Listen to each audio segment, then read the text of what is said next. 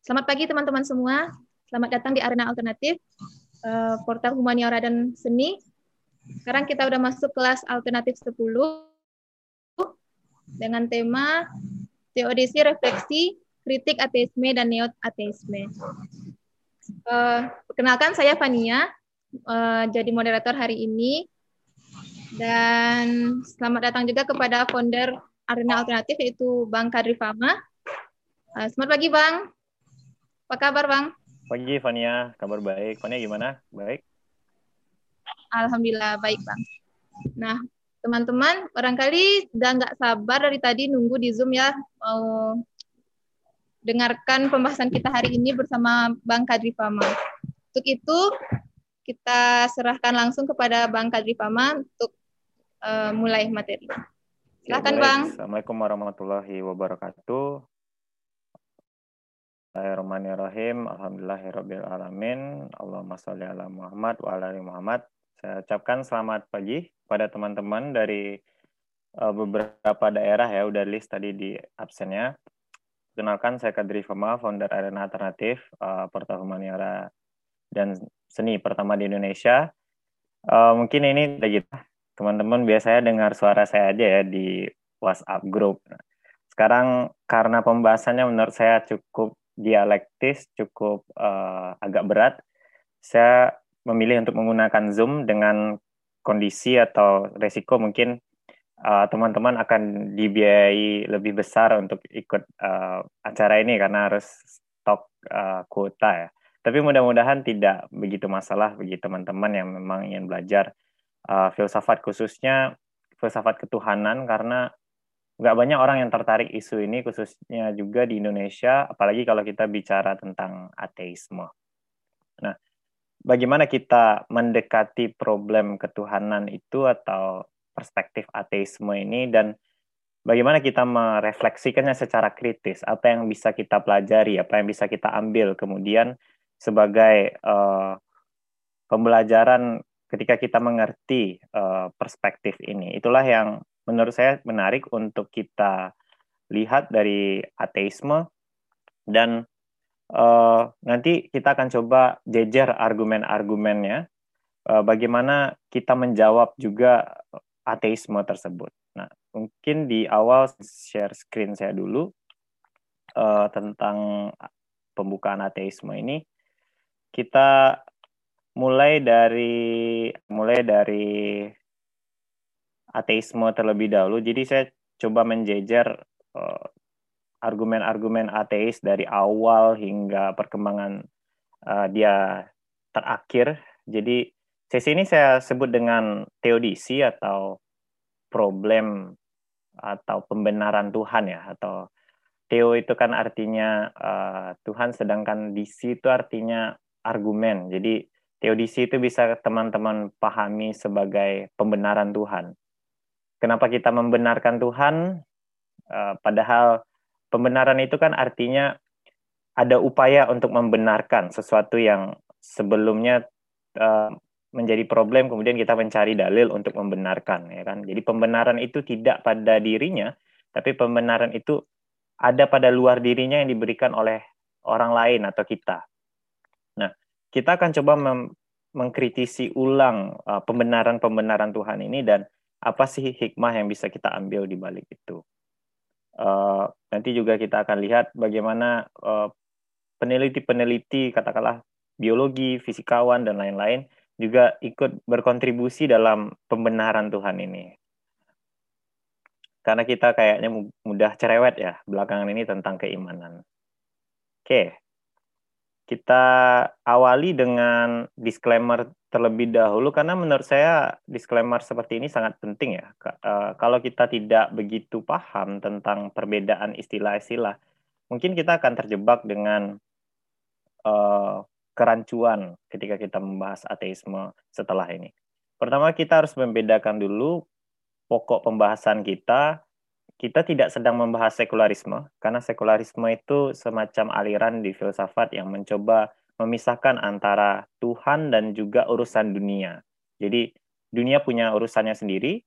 Kayak uh, misalnya kalau kamu beru berusaha untuk bangun usaha, kita nggak bilang usahanya gagal itu karena takdir Allah, nggak, itu karena manajemen kamu yang buruk misalnya.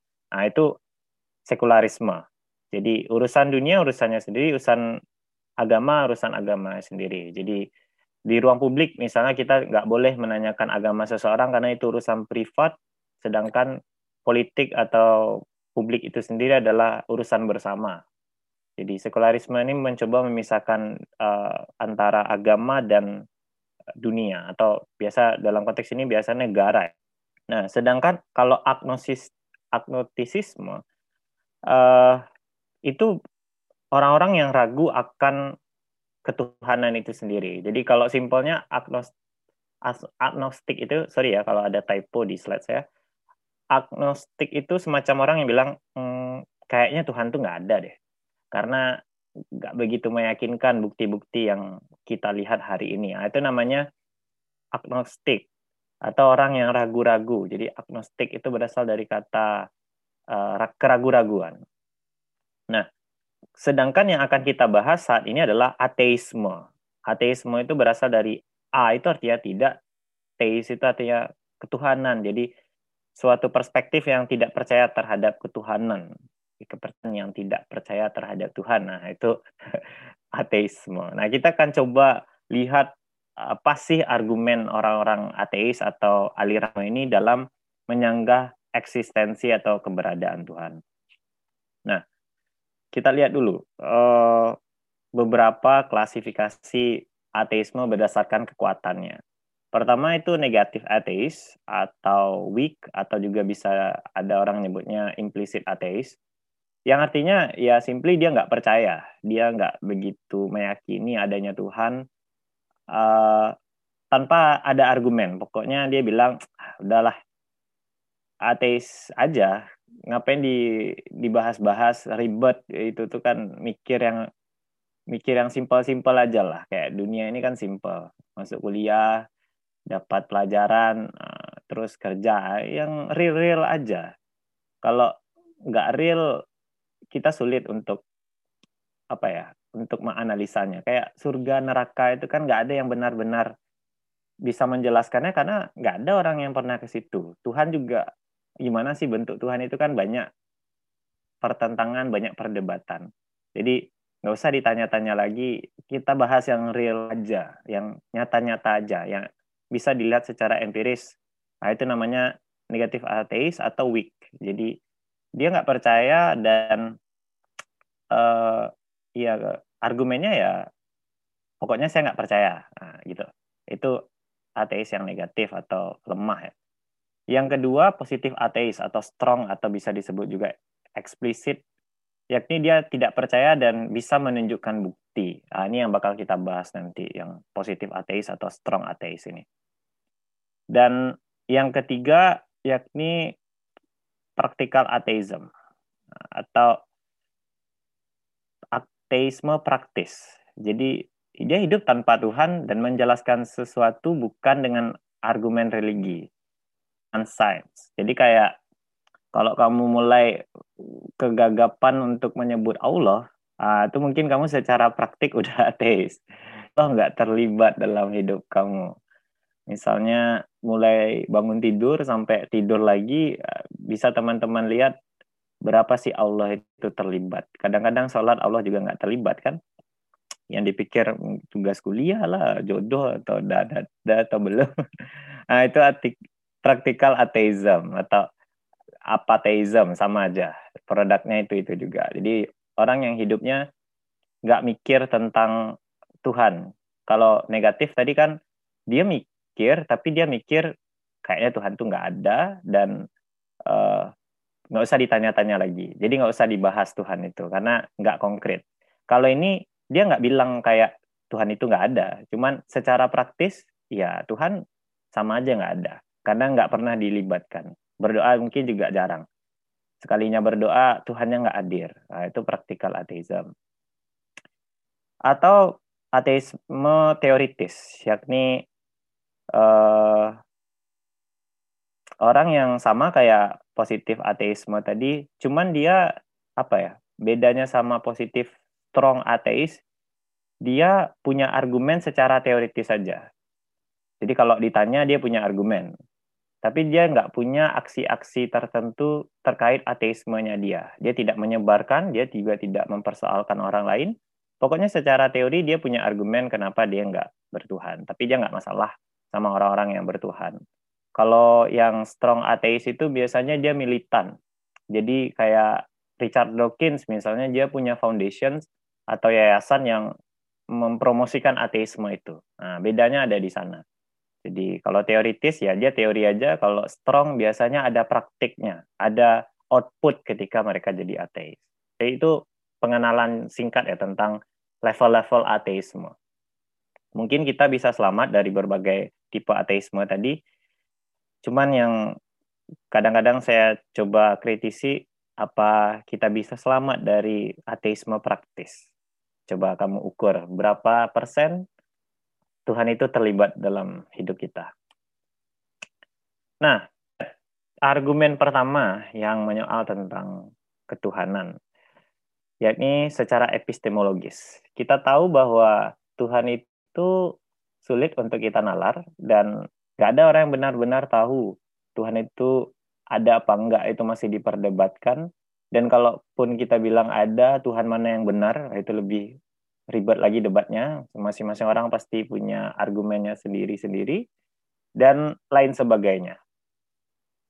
Katanya teman-teman ateis, ya kalau Tuhan itu nggak jelas, terus ada penjelasan yang beragam, ya itu berarti imanensi akal. Itu berarti kesadaran kompleks manusia tentang konsepsinya mengenai Tuhan. Kayak kamu loh, misalnya kalau kamu pendosa itu kan kamu membayangkan Tuhan itu, wah Tuhan itu maha pengampun. Tuhan itu maha pemaaf, dia ar-Rahman, ar-Rahim, ya kan? Tuhan itu cinta kasih, kan gitu kamu membayangkannya. Kenapa? Karena itu berkaitan sama fantasi kamu untuk mengharapkan kamu diampuni. Sedangkan bagi orang hukum misalnya, Tuhan itu maha adil. Kalau kamu macam-macam kamu nanti disate di neraka, bisnis atau urusan hari ini nggak selesai di sini aja. Nanti ada pembalasannya. Kenapa? Karena mereka orang hukum. Jadi masing-masing orang punya persepsinya sendiri itu. Tuhan di kepalanya FPI itu beda sama Tuhan di kepalanya Adi Hidayat itu. Tuhan di kepalanya Habib, Habib Rizik mungkin beda di kepalanya kamu. Ya kan? Misalnya waktu kecil kamu membayangkan Tuhan tuh mungkin kayak oh, sosok tinggi besar, ya kan, raksasa di atas langit dia ngondongak ke bawah untuk ngelihat kamu sholat apa enggak, ya kan. Sekarang kan beda kan mungkin kesadaran kita tentang Tuhan juga berganti atau bertransformasi. Nah, jadi secara etimologis Tuhan itu bayangan manusia aja. Dan buktinya orang punya pandangannya sendiri-sendiri tentang Tuhan. Ada yang bilang Tuhan itu uh, maha baik lah, ada orang bilang Tuhan itu maha pengampun lah, ada yang bilang Tuhan itu maha penyiksa. Kalau maksiat kamu harus dirajam misalnya. Kan macam-macam kan konsepsi orang tentang Tuhan. Nah, itu secara epistemologis. Dan yang kedua, kalau memang Tuhan itu sulit untuk dipahami, ya kita nggak tahu uh, gimana dia, sifatnya banyak sekali ya kan, maha mengampun tapi juga maha penyiksa. Dia menciptakan surga, tapi juga di saat yang sama menciptakan neraka. Nah, gimana itu kira-kira uh, korelasinya? Itu kan sulit agama itu dipahami.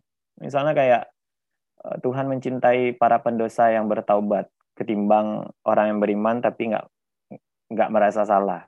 Iya, apakah itu berarti kita berdosa aja nggak apa-apa, yang penting kita tobat daripada kita soleh-soleh aja tapi kita nggak tobat karena nggak ngerasa perlu tobat misalnya. Nah itu kan jadi sulit. Padahal dosa itu di konteks lain juga harus kita hindari. Itu kan rumit untuk dipahami. Tuhan juga nggak begitu jelas. Tuhan yang mana, Tuhan yang seperti apa, kan sulit kan kita akses katanya teman-teman ateis. Lah kalau kayak gitu kenapa disembah? Kalau kita sulit untuk membahasnya, sulit untuk mengaksesnya, kenapa disembah?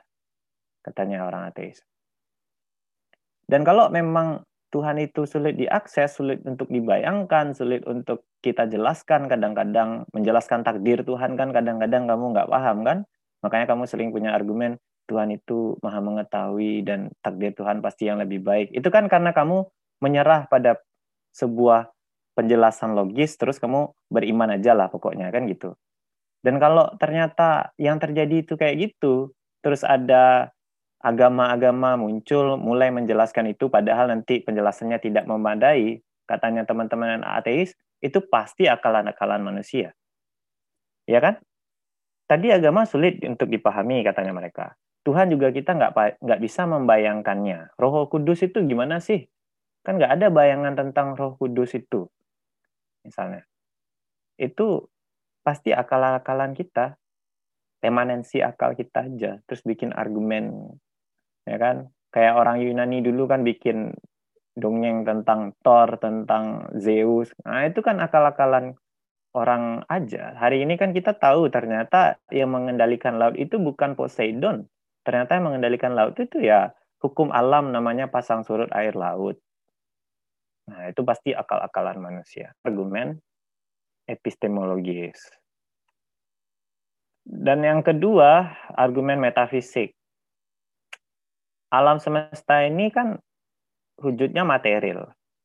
Sedangkan hal-hal yang tidak material, katakanlah surga, Tuhan, itu kan sesuatu yang nggak bisa kita jelaskan dengan panca indera kita kan.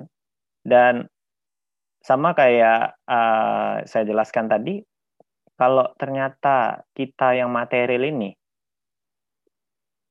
bisa menjelaskan hal-hal yang tidak material, kayak surga, neraka, itu pasti fiktif. Buktinya apa? Buktinya kayak bayangan kita tentang surga itu loh. Kan ada sungai. Itu kan karena kita pernah ngelihat sungai di sini. Atau bidadari yang cantik, bla bla bla. Untuk apa melampaui semua itu kan. Kamu sering ya kan bahas-bahas yang kayak gitu. Itu pasti karena kita pernah ngelihat yang cantik di sini neraka juga gitu kan. Ada gergaji lah ada paku lah. Sering saya lihat di komik-komik dulu waktu saya SD nah, itu kan bayangan kita tentang toko bangunan misalnya. Nah juga kontradiksi terhadap maha penyayang maha penyiksa. Kalau dia maha penyayang kenapa uh, banyak apa banyak musibah? Kenapa dia ngasih kita ujian? Kalau dia maha penyiksa kenapa dia bilang uh, dia juga maha penyayang? Iya kan? Banyak kan uh, penjelasan-penjelasan itu. Atau kalau kita bebas apakah kita udah tahu kita bakal apa besok sebagaimana Tuhan mengetahui? Misalnya kayak Tuhan itu kita bayangkan dia maha tahu. Berarti dia tahu kita besok katakanlah bangun tidur itu jam 7 apakah kita bebas menentukan kita bangun jam 7 atau jam 6 jadi untuk apa kita pasang waker kalau kayak gitu Ya, kalau memang udah ditakdirkan, kenapa kita uh, beramal hari ini kan Tuhan udah tahu kan kita surga atau neraka. Nah, itu pertanyaan metafisik yang kalau kita jejer-jejer katanya ateis itu nggak koheren, itu nggak nyambung, kontradiksi satu sama lain, gitu loh. Jadi kita ini material, sedangkan yang tadi-tadi itu imaterial kenapa Tuhan bisa kita jelaskan? Itu kan uh, jadi pro banyak kontradiksinya ketika kita mulai menjelaskan yang metafisik itu. Yang ketiga, argumen antroposentris. Katanya aliran ini sebetulnya yang Tuhan itu manusianya. Jadi antroposentris kan berasal dari antropos. Antropos artinya ya manusia. Buktinya apa kalau kita yang sebenarnya Tuhannya? Loh buktinya kita bisa ganti-ganti agama kok. Kita bisa pindah agama. Kita bisa sepakati, oh agama ini yang benar, agama ini salah. Tapi besok kalau kita berubah pikiran, ah kita mualaf saja. Atau kita dibakti saja ulang. Atau kita masuk Buddha, Hindu. Berarti Tuhannya bisa kita ganti. Dan kalau Tuhan itu bisa kita ganti, katanya ateis, lah berarti yang berkuasa kitanya. Tuhan kan nggak berkuasa. Jadi mengapa kita percaya Tuhan? Toh ternyata pada intinya Tuhan siapa yang benar, Tuhan mana yang dianut, Tuhan mana yang diimani, ya kita yang tentuin loh, katanya antroposentris. Jadi kalau kamu bangga, wah alhamdulillah si A tuh dapat hidayah, misalnya kan, atau kalau kamu dari Nasrani, oh dia udah tidak menjadi domba tersesat lagi. Ah, katanya antroposentris, ya iyalah kan kita yang Tuhannya. Kenapa harus dialhamdulillahin? Kenapa harus disyukurin? Nah, argumennya gitu. Jadi kita yang bangga dengan sesuatu bagi mereka kritiknya justru di sana. Terus, oh ini Tuhan ya, kenapa jadi M? uh, kita lihat argumen uh, ateisme tentang Tuhan. Jadi saya menulis beberapa para pembunuh Tuhan ini. Pertama ada Feuerbach. Feuerbach ini dia seorang ateisme yang merargumentasikan bahwa Tuhan itu sebenarnya proyeksi kita. Sebenarnya bayangan kita. Hampir sama kayak epistemologis tadi, tapi ini lebih spesifik. Tentang hal-hal yang kita anggap sempurna. Ya itu kan kalau ingin membuat sesuatu atau kalian berkarya kan kalian ingin sempurna, toh katanya Feuerbach. Nah, keinginan manusia untuk sempurna itulah yang membuat manusia memikirkan hal-hal yang di luar dirinya. Bikin manusia membayangkan hal-hal yang paling indah lah, paling kuasa lah, paling tahu, dan akhirnya lama-kelamaan bayangan itu menjadi sebuah sosok, menjadi sesuatu entitas yang kemudian disembah. Wah ini kalau maha indah, berarti lebih luar biasa nih dari kita nih. Maha tahu dia, wah berarti dia tahu masa depan, dia tahu apa yang bakal terjadi. Ah, lama-lama disembah, katanya Feuerbach. Manusia kemudian terasing oleh dirinya sendiri. Dan pada akhirnya katanya Feuerbach, setiap agama pasti memiliki uh, Tuhan atau persepsinya tentang Tuhan sesuai dengan pengalaman manusia. Jadi katanya Feuerbach gini loh, Tuhan itu kamu yang bikin. Tuhan itu bayangan kamu tentang tentang apa sih yang sempurna. Nah, itu Tuhan. Dan buktinya apa katanya Feuerbach? Coba kita lihat gimana sih Tuhan di dataran Cina misalnya pasti sipit-sipit Tuhannya. Kalau Tuhan di Afrika pasti dia wujudnya legam, ya kan, hitam, terus pakai koteka, ya kan, ala-ala orang fudu kan itu kan yang disembah orang-orang Afrika terdahulu atau nenek moyang nenek moyang orang Afrika. Kalau saya nggak salah namanya fudu, ya kan? Terus juga lihat uh, Nasrani, dia juga mengkritik Nasrani. Bayangan dia tentang Tuhan Yesus itu loh. Itu kan Eropa banget. Atau bayangan manusia tentang uh, katakanlah Tuhan apa ya Tuhan di Yunani kayak mitologi Yunani Zeus lah Poseidon lah itu kan kayak orang Eropa juga mancung terus badannya kotak-kotak sispek ya kan nggak ada tiba-tiba dewa Yunani itu kurus kayak di Afrika. Karena kenapa? Bayangan orang tentang dewa itu sesuai dengan pengalaman orang di situ. Karena dia pernah lihat orang sipit, dia membayangkan Tuhannya sipit-sipit atau bayangan dia tentang apa orang-orang di sukunya, dia membayangkan Tuhan tuh ya semacam dewa voodoo dan lain-lain. Ya kan? Jadi pengalaman manusia kok buktinya pengalaman-pengalaman yang berbeda itu menciptakan Tuhan yang berbeda-beda juga.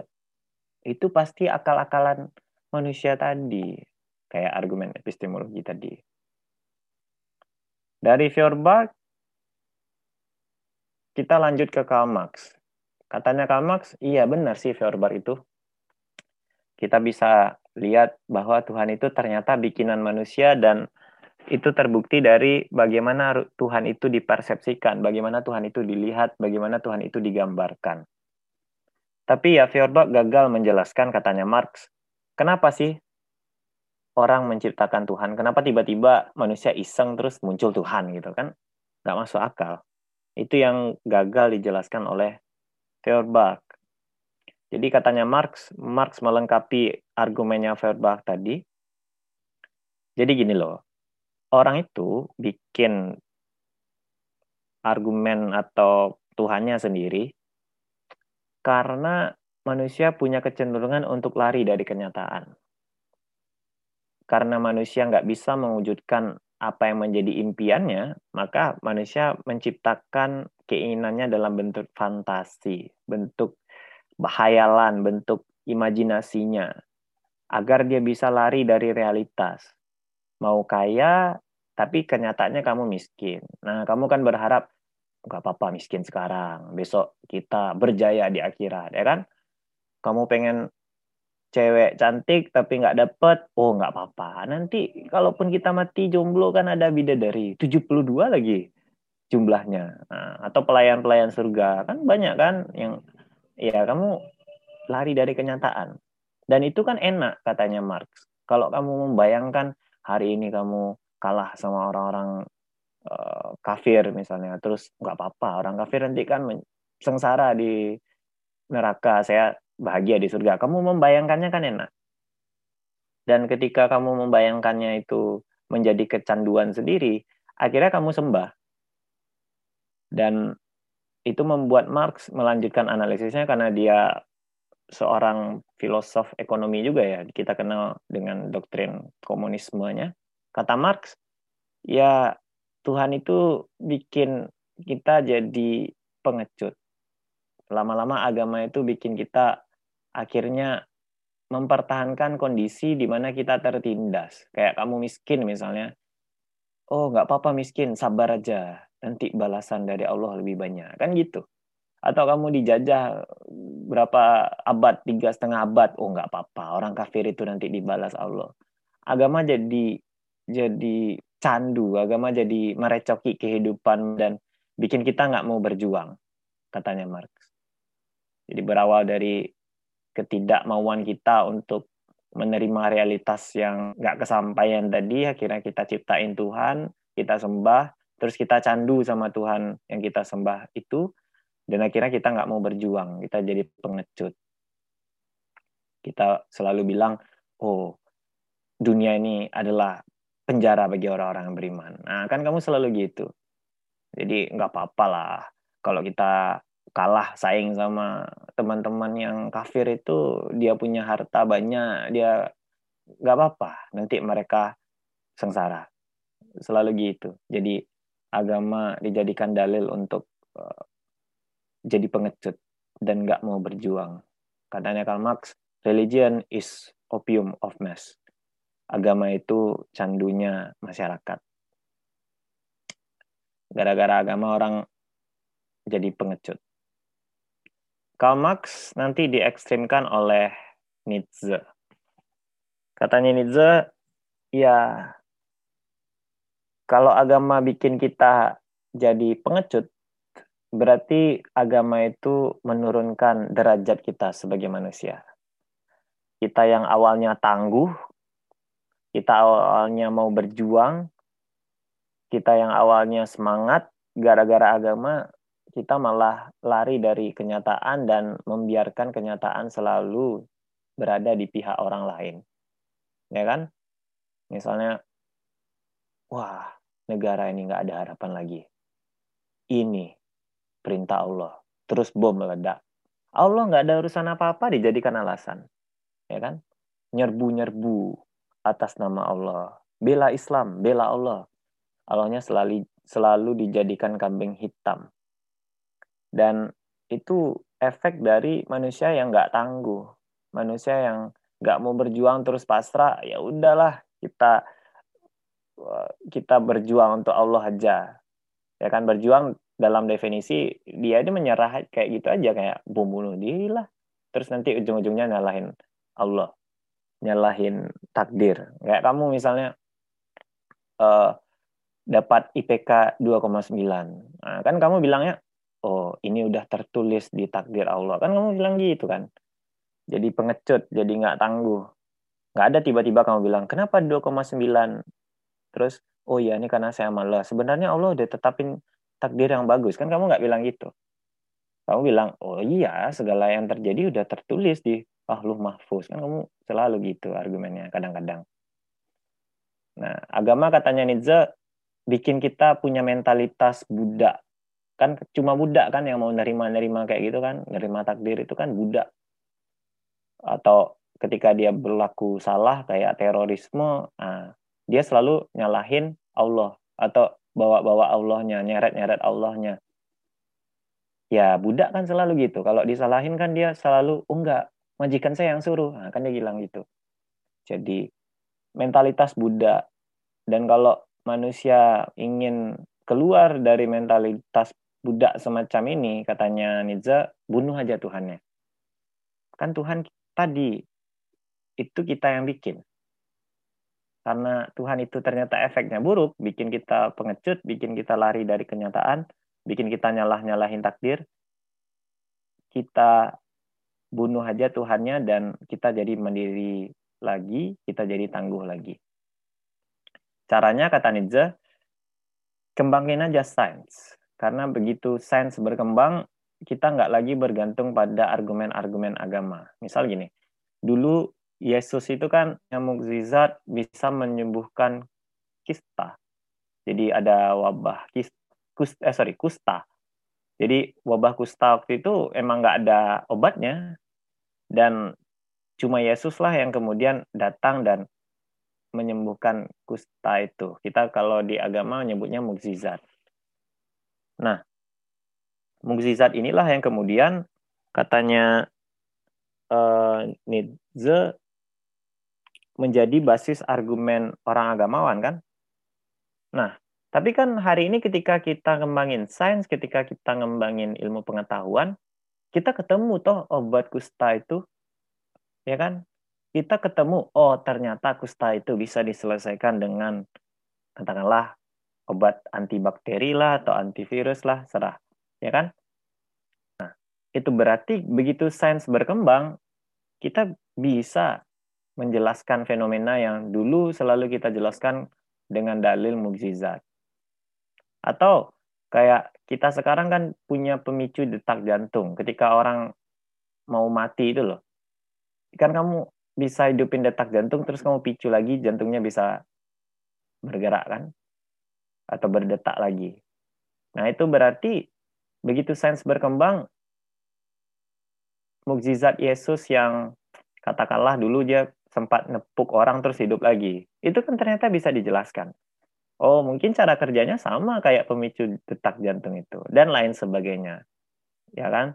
Sains hari ini menjelaskan segala sesuatu secara rasional. Jadi ilmu pengetahuan katanya Nietzsche ketika selalu dikembangkan pada akhirnya akan selalu menjawab misteri-misteri yang dari dulu kita sebut itu uh, sebuah murka Tuhan lah atau mukjizat lah itu bisa dijelaskan secara rasional. Dan kalau kita selalu mengembangkan ini terus-menerus dan kita percaya pada sains, lama kelamaan Tuhan itu akan terdegradasi, dia akan terpinggirkan, termarginalisasi sampai nanti dianggap nggak terlalu penting lagi.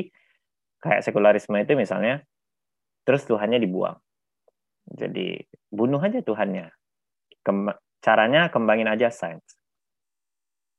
Yang keempat dari Freud. Freud ini dia psikoanalis, dia orang psikologi. Jadi dia menganalisis argumen Tuhan itu ya dari perspektif psikologi.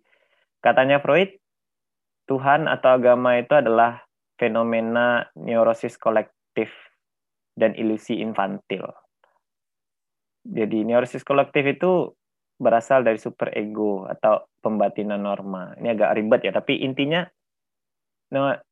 neurosis kolektif itu semacam orang yang gila bareng-bareng. Jadi kan kamu membayangkan surga yang yang nggak ada sekarang, yang nggak konkret, terus kamu makan janji-janji palsu oh iya nanti bakal di disambut bidadari kalau kita mau jihad ya kan? Kalau nanti bakal dikasih balasan kalau kita mau atau sabar hidup miskin. Nah itu kan kamu selalu dijanji-janjiin kayak gitu. Dan kamu bersikeras bahwa itu benar itulah yang valid itu bakal iya bakal terjadi kayak gitu katanya Freud. Dan itu bikin kamu kayak anak-anak bersikeras udah tahu itu nggak ada tapi kalau kamu nggak lah itu nggak ada kamu kan marah kalau digituin kata Freud dan semat itu semacam anak-anak yang kalau kamu kasih mainan kan dia senang. Tapi kalau kamu bilang, ah itu kan cuma mainan, itu bukan mobil beneran. Nah itu kan dia marah ketika disadarkan semacam itu. Dan orang yang mencari-cari perlindungan di agama, ya kan. Padahal misalnya kalau kamu baca ayat kursi, kalau kamu dimaling orang ya tetap aja dimaling katanya Freud. Jadi tapi kan kamu membayangkannya iya ayat kursi itu bakal melindungi kita kan selalu gitu. Nah, itu kayak anak-anak juga katanya Freud. Jadi apa pun yang kita lakukan bagi Freud itu nggak rasional, itu anak-anak. Jadi kalau orang yang percaya agama itu kalau nggak gila karena membayangkan hal-hal yang nggak konkret atau nggak kamu kayak anak-anak. Jadi terserah sih orang mau bilang apa, pokoknya saya percaya itu, nah, kayak gitu loh. Jadi terserah uh, apakah suatu mainan ini bermanfaat atau tidak ya kan? Apakah benaran atau tidak? Yang penting keinginan saya terpenuhi. Atau saya merasa aman dengan agama saya. Dan saya yakin. Nah, itu kan kayak anak-anak kalau dibilangin nggak mau dengar itu Freud Sartre beda lagi dia yang mengembangkan antroposentris tadi katanya Sartre apa sih yang bikin kita beda dari batu dari dari tongkat, dari kerikil. Yang bikin kita beda adalah kita punya kebebasan. Dan agama itu kan selalu ngatur kita, toh. Nggak boleh free sex lah, nggak boleh pakai drugs lah, nggak boleh minum kamar, dan lain sebagainya. Itu bikin kita jadi benda-benda tadi. Dan kalau memang kayak gitu, katanya Sartre, dibuang aja, dibuang aja. Kita nggak butuh eh, penjelasan-penjelasan uh, religius hanya bikin kita terkekang, bikin kita nggak bebas, katanya Sartre. Dan kalau begitu, mari kita bayangkan, misalnya Tuhan nggak ada nih. Segala sesuatu kan bisa jadi mungkin. LGBT berarti boleh. Korupsi uh, berarti boleh aja, dan lain sebagainya. Segala sesuatu yang kita anggap bermoral atau tidak bermoral, ya itu kesepakatan kita aja. Tapi kan nanti kamu kritik Sartre, iya kalau gitu kan korupsi boleh aja berarti masa gitu hidup kita oh enggak kalau yang kayak gitu nanti diadili dengan hukum nah, jawabannya satra gitu jadi manusia nggak butuh sebenarnya penjelasan Tuhan itu ada apa enggak yang kita butuh sebenarnya kebebasan absolut. Biar kita seutuhnya jadi manusia. Dan kalau ternyata Tuhan itu melarang kita atau menghalangi kita untuk tujuan demikian maka itu tidak diperlukan katanya Satra jadi memahami segala sesuatu itu uh, secara konkret kuncinya ada di sana. Jadi Tuhan itu hanya mengekang, Tuhan itu pada akhirnya nggak bisa nyelamatin kamu. Kan berapa banyak kasus pemerkosaan terjadi. Bahkan ke orang-orang yang juga alim toh, oh, ya kan yang dimaling kan juga nggak cuma orang kafir, yang dimaling kan juga ada orang-orang yang beragama. Nah itu harus kita sadari bahwa yang bisa nyelamatin kita tuh ya kita sendiri. Jadi Tuhan dianggap ngerecoki aja bagi Sartre. Oke, itu dia ateisme klasik. Kita lihat gimana balasan-balasan untuk orang-orang ateis ini. Pertama, logikanya Feuerbach tadi menurut saya lemah ketika kita menjelaskan konsep agama secara luas. Tadi kan Feuerbach bilang bahwa enggak lah. Itu kan bayangan-bayangan manusia aja. Loh, banyak hal-hal yang justru di agama itu tidak boleh untuk dibayangkan. Misal agama nyuruh kita nggak boleh membayangkan Tuhan itu gimana, ya kan? Agama nyuruh kita mm, tidak boleh membayangkan malaikat itu gimana atau buruk itu gimana atau neraka itu gimana. Kan selalu kan ada semacam uh, ketidak apa ya ketidak bolehan bukan ketidakbolehan tapi kita tidak direkomendasikan untuk membayangkan itu bahkan di Islam misalnya Tuhan itu nggak punya wujud sama sekali. Nah dari mana manusia punya imajinasi? Semacam itu. Kalau tadi argumennya adalah enggak lah agama atau Tuhan itu kan bayangan manusia aja fantasi manusia aja. Loh ada agama-agama yang justru ngelarang orang untuk berimajinasi? Atau melarang orang berimajinasi maksudnya membayangkan hal-hal metafisik itu sesuai fantasi kita. Karena hal-hal yang kayak surga, Tuhan, neraka itu nggak sebagaimana pandangan kita. Jadi religi justru sering kali membuat kita tidak perlu untuk membayangkannya karena nggak akan sesuai. Jadi agama justru mengakui bahwa bayangan itu tidak parameter kamu bisa mengenali Tuhan atau surga atau neraka karena kemampuan kamu terbatas. Ini kan lemah berarti verbal yang yang berargumentasi tentang agama itu kan bayangan kamu aja, proyeksi kamu aja. Ya kan? Atau Zoroaster itu agama yang Tuhannya itu api. Ya kan? Dari mana tiba-tiba dapat fantasi bahwa Tuhan itu api? Ya kan? tidak sesuai pengalaman manusia atau Tuhan api gitu. Kalau tadi kan contohnya kayak di Yunani atau Zeus kayak Tuhannya manusia. Kalau di apa? Kalau di Afrika Tuhannya manusia. Loh, kok ini tiba-tiba dia bisa mikir api? Nah, itu kan lemah pada argumen-argumen level tertentu. Atau argumen Karl Marx tadi yang bilang bahwa enggak lah manusia itu loh yang bikin uh, bikin Tuhan karena dia nggak mau menerima kenyataan. Loh, kalau ternyata agama itu nyuruh kita berjuang, nyuruh kita nerima kenyataan terus berubah gimana? Misal kayak di Islam itu ada dalil bilang gini, Tuhan itu tidak akan merubah nasib satu kaum kecuali kaum itu yang merubah dengan tangannya sendiri. Ya kan? Contoh di kasus kemerdekaan Indonesia misalnya, agama justru jadi bensin kenapa orang berjuang. Nah, itu kritik terhadap Marx. Atau di Timur Tengah kan ada namanya teologi pembebasan. Agama itu jadi dalil kenapa orang berjuang loh. Kenapa orang mau berevolusi, kenapa orang mau me menggulingkan pemerintah yang otoriter misalnya. Karena agama juga tidak mengizinkan kezaliman. Ya kan? Kenapa kamu malah ngeliat atau membayangkan agama itu bikin orang nggak mau berjuang?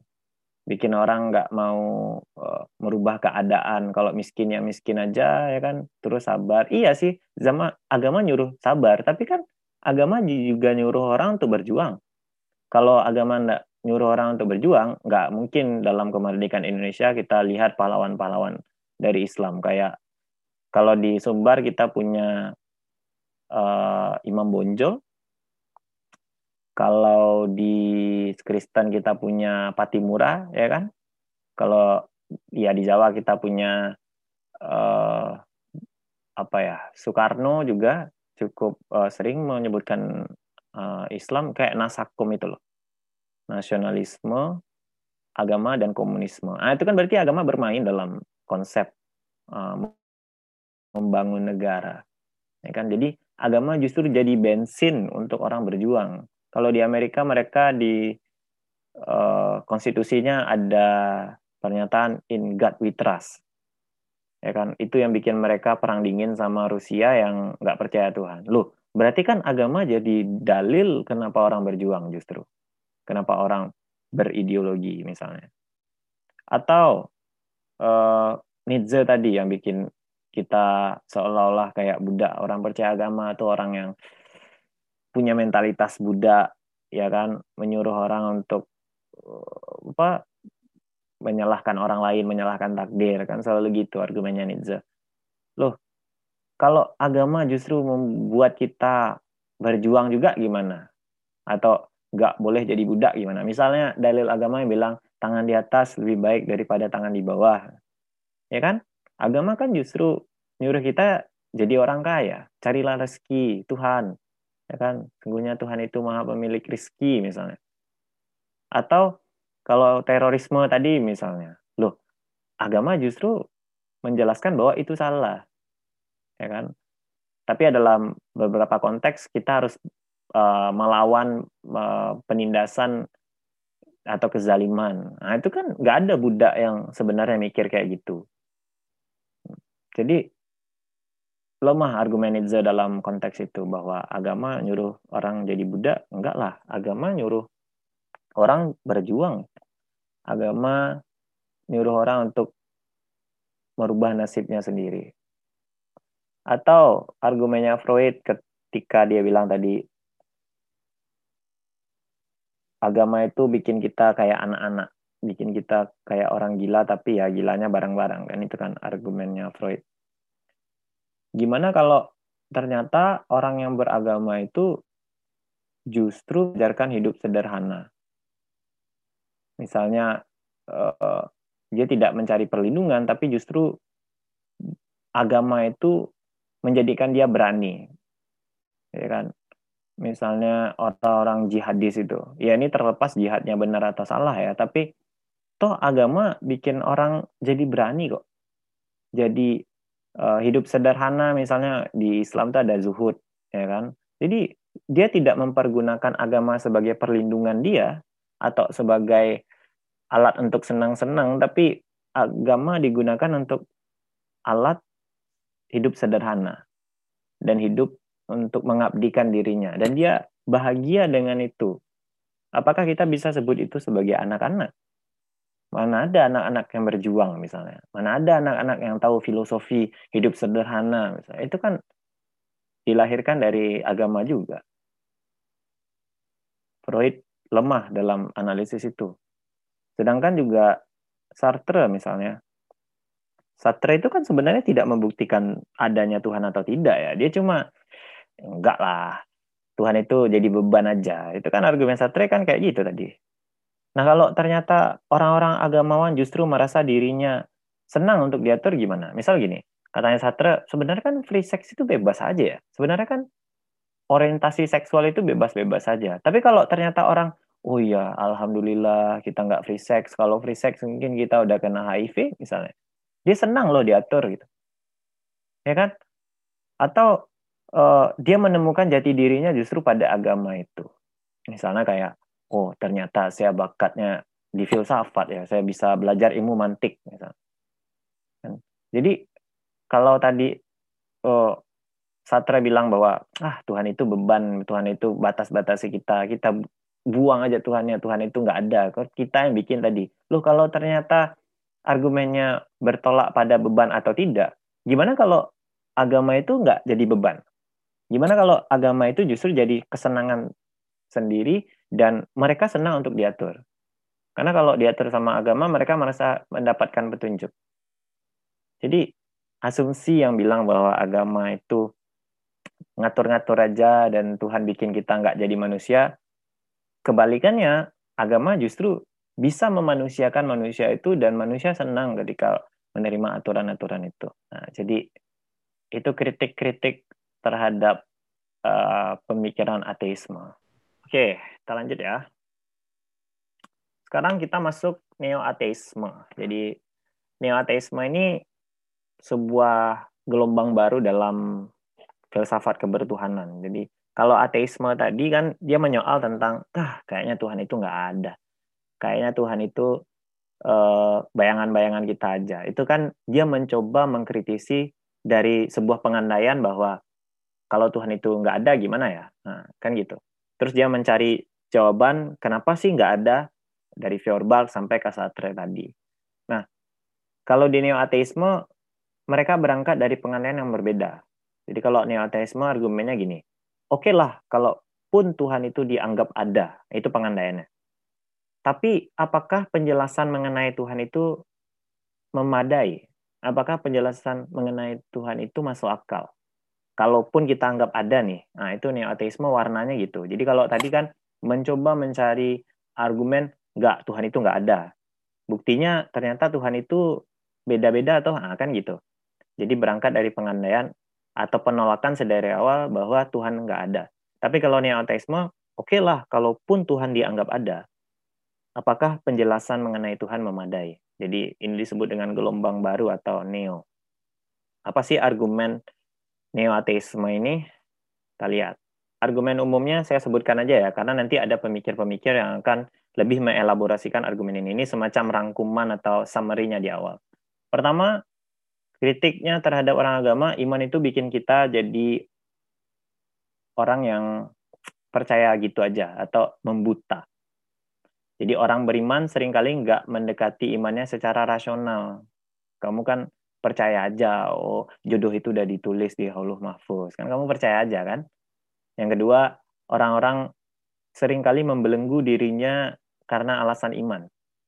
Misalnya kayak sebenarnya kan LGBT itu sah-sah aja ya, nggak nggak melukai orang lain, nggak gimana gimana. Tapi gara-gara iman terus dianggap salah, dianggap nggak boleh. Pada dasarnya kita tuh bebas kok. Dia agak-agak mirip dari yang tadi, tapi nanti kita akan lihat bedanya di mana di penjelasan orang-orang di bawah. Agama juga meracuni pikiran. Ini terkait dengan terorisme. Ya ini kan neo ateisme ini muncul setelah peristiwa 9/11 atau uh, peristiwa pengeboman WTC waktu itu. Jadi dia sangat dipromosikan setelah punya citra yang sangat buruk. Nah, jadi katanya teman-teman ateis agama itu meracuni pikiran. Yang ketiga, agama karena dia meracuni pikiran, karena dia bikin kita nggak rasional, membuta begitu aja, agama nggak usah ditolerir. Kritik aja sampai habis agama itu.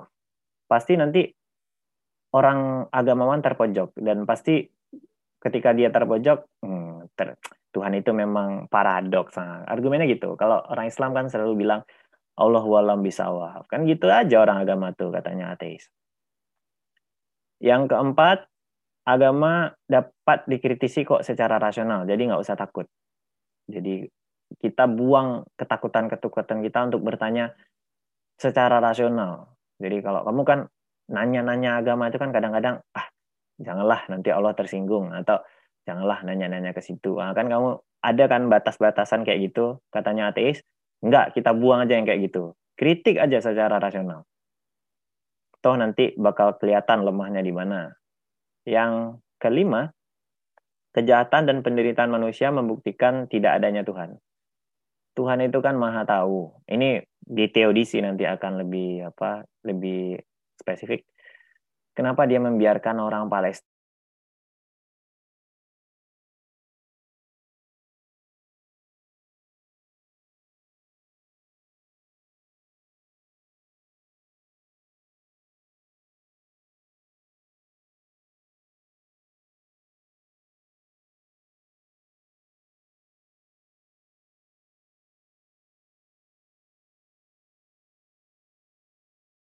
dan juga uh, moralitas itu nggak berasal dari Tuhan kok. Kayak kita berbuat baik, uh, itu kan kamu selalu agama mengajarkan kita berbuat baik. Enggak, kita bisa berbuat baik tanpa harus ada agama, tanpa harus ada Tuhan. Nanti ada argumennya. Secara umum kayak gitu.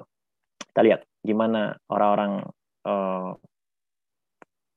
neo-ateisme menjelaskan argumennya. Pertama dari Richard Dawkins. Jadi Dawkins ini dia uh, filsuf juga. Jadi dia seorang ilmuwan juga. Dia benar-benar serius mengkritik keberagamaan orang atau agama itu sendiri. Dia disebut sebagai militan ateis uh, di abad 21. Jadi ada empat orang sebenarnya tokoh neo-ateisme yang paling terkenal dan salah satunya ini Richard Dawkins.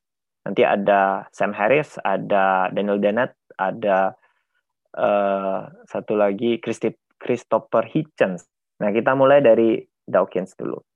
Jadi, bagi Dawkins, segala sesuatu yang terjadi di alam ini bisa dijelaskan secara evolusi kok. Kayak gimana sih bumi terbentuk? Ya, ada prosesnya. Bumi itu nggak nggak tiba-tiba ada bumi enggak. Ada dari Big Bang dulu terus jadi atom atau menciptakan air air jadi gas jadi awan terus mengembang bla bla macam terus tercipta. Ada proses evolusi yang secara rasional bisa kita jelaskan ya toh? Dan ketika kita bicara tentang Homo sapien, ketika kita bicara tentang manusia, kita seperti ini kan nggak ujuk-ujuk kita seperti ini. Ada proses seleksi alam atau seleksi natural yang menyisakan umat manusia atau bumi yang seperti ini, yang seperti sekarang. Dan proses ini secara bertahap menguat terus-menerus.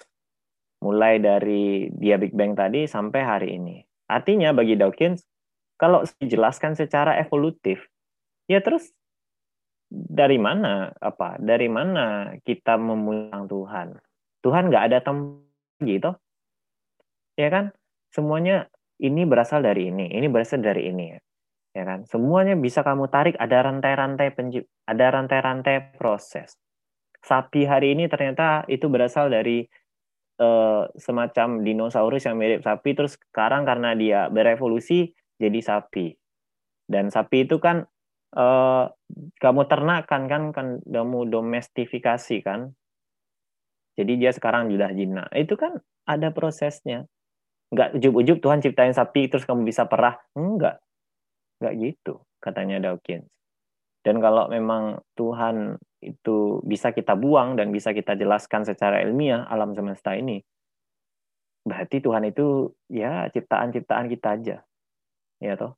Atau dia juga mengkritik penjelasan bagaimana Tuhan menciptakan bumi dalam beberapa hari. Di Bible ada penjelasan Bible yang men, dalam tujuh hari kalau saya nggak salah. Nah ternyata setelah diteliti katanya Dawkins enggak. Untuk menciptakan bumi seperti sekarang ini butuh waktu ribuan tahun. Butuh waktu evolusi yang panjang kenapa kita percaya Tuhan? Bagi, bagi Dawkins ya karena doktrin aja kok. Dan orang yang nggak percaya doktrin ini kan dibunuh. Kayak Kopernikus dulu bilang itu bulat, dibunuh kan. Atau gak, gak Galileo, Galilei juga dibunuh kan oleh gereja waktu itu katanya Dawkins. Itu kenapa? Karena dianggap mendustai doktrin gereja. Nah, inilah yang disebut sama Dawkins delusi. Jadi delusi ini teman jalan fantasi yang diteruskan terus-menerus.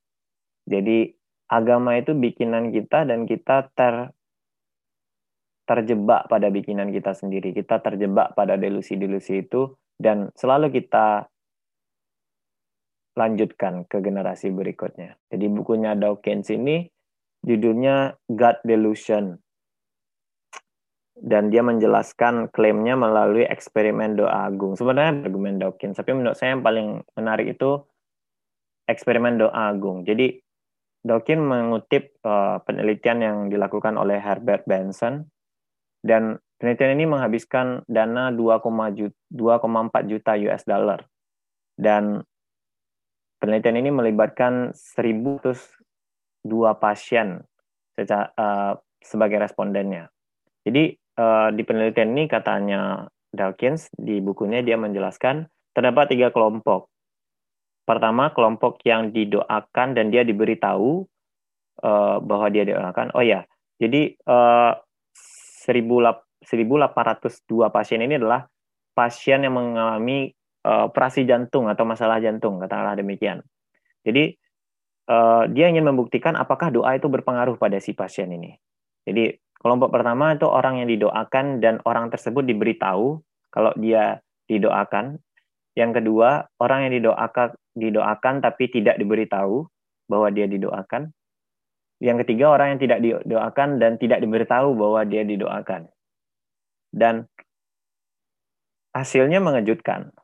Ternyata tidak terdapat perbedaan antara orang yang didoakan dan orang yang didoakan diberitahu dan orang yang didoakan dan tidak diberitahu. Justru kalau dibandingin sama orang yang tidak didoakan, orang yang didoakan baik itu dia diberitahu atau tidak, justru punya komplikasi yang lebih berat. Jadi orang yang tidak didoakan lebih cepat sembuh katanya. katanya penelitian ini dan itu katanya Dawkins ya delusi.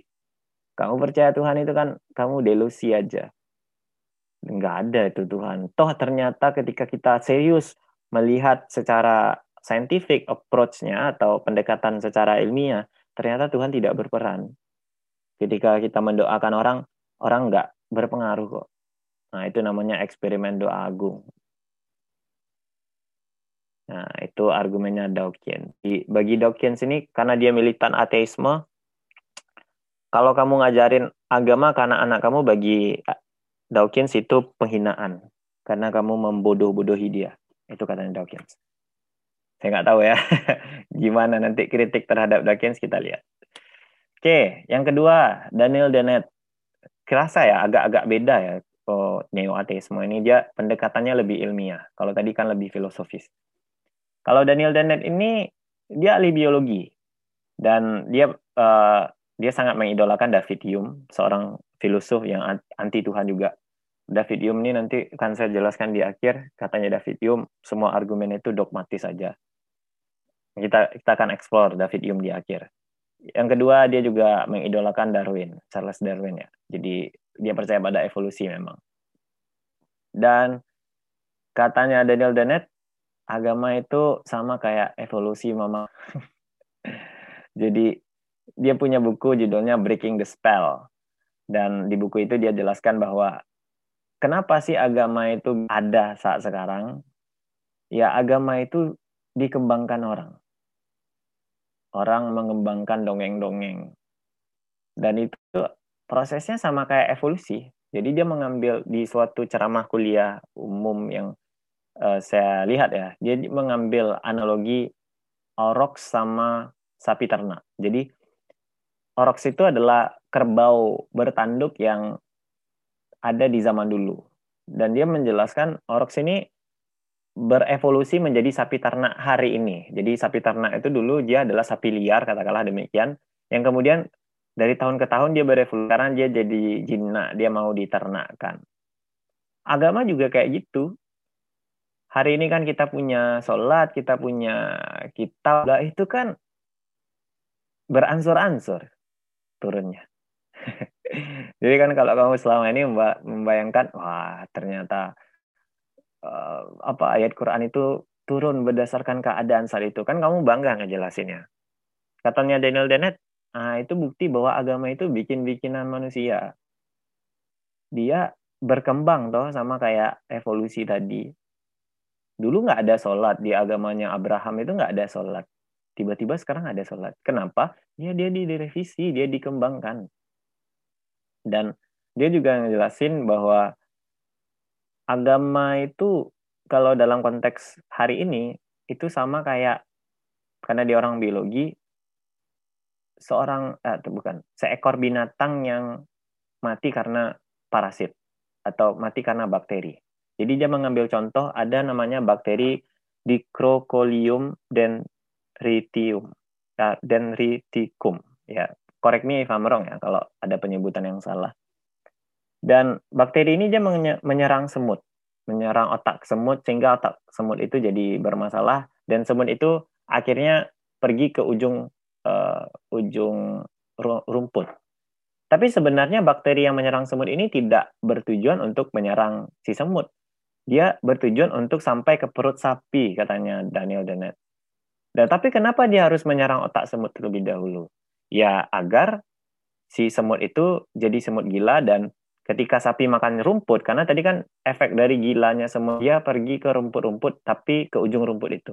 Nah, ketika sapi makan rumput kan sapi akhirnya makan sekaligus dengan semutnya. Dan begitu semut dimakan sapi, nah semut kan masuk perut sapi. Jadi parasit itu akhirnya bisa bereproduksi di, di perut sapi agama persis kayak parasit itu atau kayak bakteri tadi. Begitu kamu menganut agama, kan kamu menyerahkan diri kamu pada agama itu. Kayak Islam itu kan berasal dari kata pasrah. Ya kan? Kamu harus beriman kepada Allah, ikut aturannya, eh, menjauhi larangannya. Kan kamu sering kan dengan dengar ceramah kayak gitu. Bagi Dani Danet, nah kamu sama kayak si semut tadi. Kamu sama kayak uh, orang yang di sama agama terus kamu menyerahkan hidup kamu ke agama itu dengan harapan bahwa kamu nanti bakal ke surga. Ya kan? Agama mempergunakan kamu kan bangga sebagai jihadis jihad visabilillah bang kamu bangga gitu kan. Nah bagi Daniel Dennett kamu kayak semut tadi. Kamu korban kamu korban agama yang awalnya kamu bebas-bebas aja kan pakai baju misalnya terbuka gara-gara agama kamu malah tertutup. Padahal Indonesia iklimnya tropis kayak. Dan dan mungkin kayak gitu kan argumennya. Udahlah panas-panas gara-gara agama kamu pakai jilbab gede-gede, ah kamu jadi korban agama. Itu argumennya Daniel Dennett. Jadi agama itu ciptaan manusia dan agama itu direvisi habis-habisan dari masa ke masa. Dan kenapa kita harus membunuh Tuhan? Kenapa kita harus menolak agama itu? Karena agama itu bikin kita jadi ya sama lah argumennya kayak mentalitas budak Nietzsche tadi tapi ini lebih lebih biologis karena dia orang biologi kan. Jadi dia nggak setuju adanya agama karena agama bikin kita menyerahkan diri kita pada dogma-dogma, pada ajaran-ajaran tertentu yang bikin kita terkekang intinya gitu. Jadi jadi kita korban aja, korban-korban agama. Oke, yang ketiga ada Sam Harris. Saya agak kesulitan mencari argumen Sam Harris di uh, literasi yang saya pakai. Cuman keterbatasan saya mencari itu um, menciptakan atau menyisakan beberapa argumen yang bisa saya kutip ya. Kalau Sam Harris itu dia ngelihatnya gini. Kenapa kita membatasi kebebasan kita untuk dogma? Dan kalaupun kita anggap dogma itu benar-benar ada dan kita harus mempertimbangkan itu, dogma mana yang kita akan ikuti? Bagi Sam Harris, agama ini sering sering kali jahat.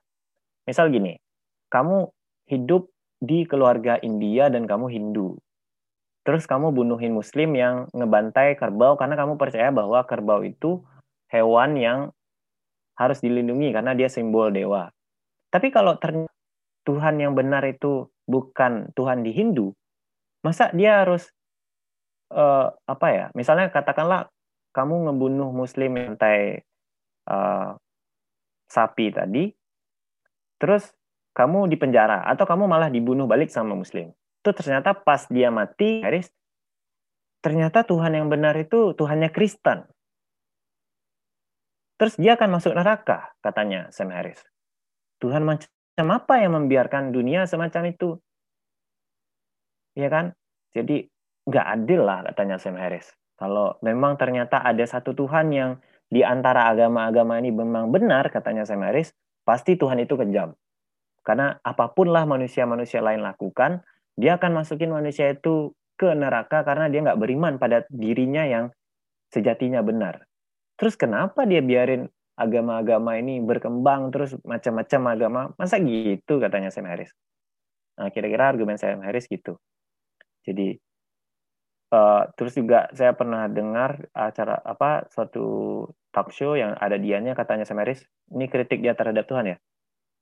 Kenapa Tuhan itu ya anggaplah Tuhan itu ada kayak saya bilang tadi. Kan eh, teodisi kan eh sorry neo ateisme kan ciri khasnya di situ. Kita anggaplah Tuhan itu ada. Dialah yang menciptakan galaksi di atas galaksi di atasnya lagi ada galaksi kan itu ada bintang-bintang macam-macam di Bima Sakti ini di galaksi kita ini. Terus dia di segala ciptaan yang dia ciptain itu dia peduli sama sebuah planet yang namanya bumi yang nggak ada apa-apanya dibanding planet-planet lain terus dia sangat peduli sama sama manusia yang ada di planet itu yang ya bukan siapa-siapa dibandingkan bintang-bintang yang ada di planet lain ini. Terus dia sangat peduli sama urusan kita ketika kita telanjang. Maksudnya Semeris kenapa dia menyalahkan kita untuk free sex dan nggak boleh inilah nggak boleh itulah. Kenapa Tuhan yang menciptakan segala hal yang hebat-hebat itu peduli sama manusia dan dalam urusan yang privat itu nggak masuk akal bagi saya Maris. Nah, jadi nggak nggak memadai apa argumen-argumen agamawan ini, nggak masuk akal. Ketika kita mikir serius, itu malah jadi irasional. Yang keempat, Christopher Hitchens. Jadi kalau Hitchens uh, dia lebih menyoal tentang uh, kejahatan-kejahatan di muka bumi.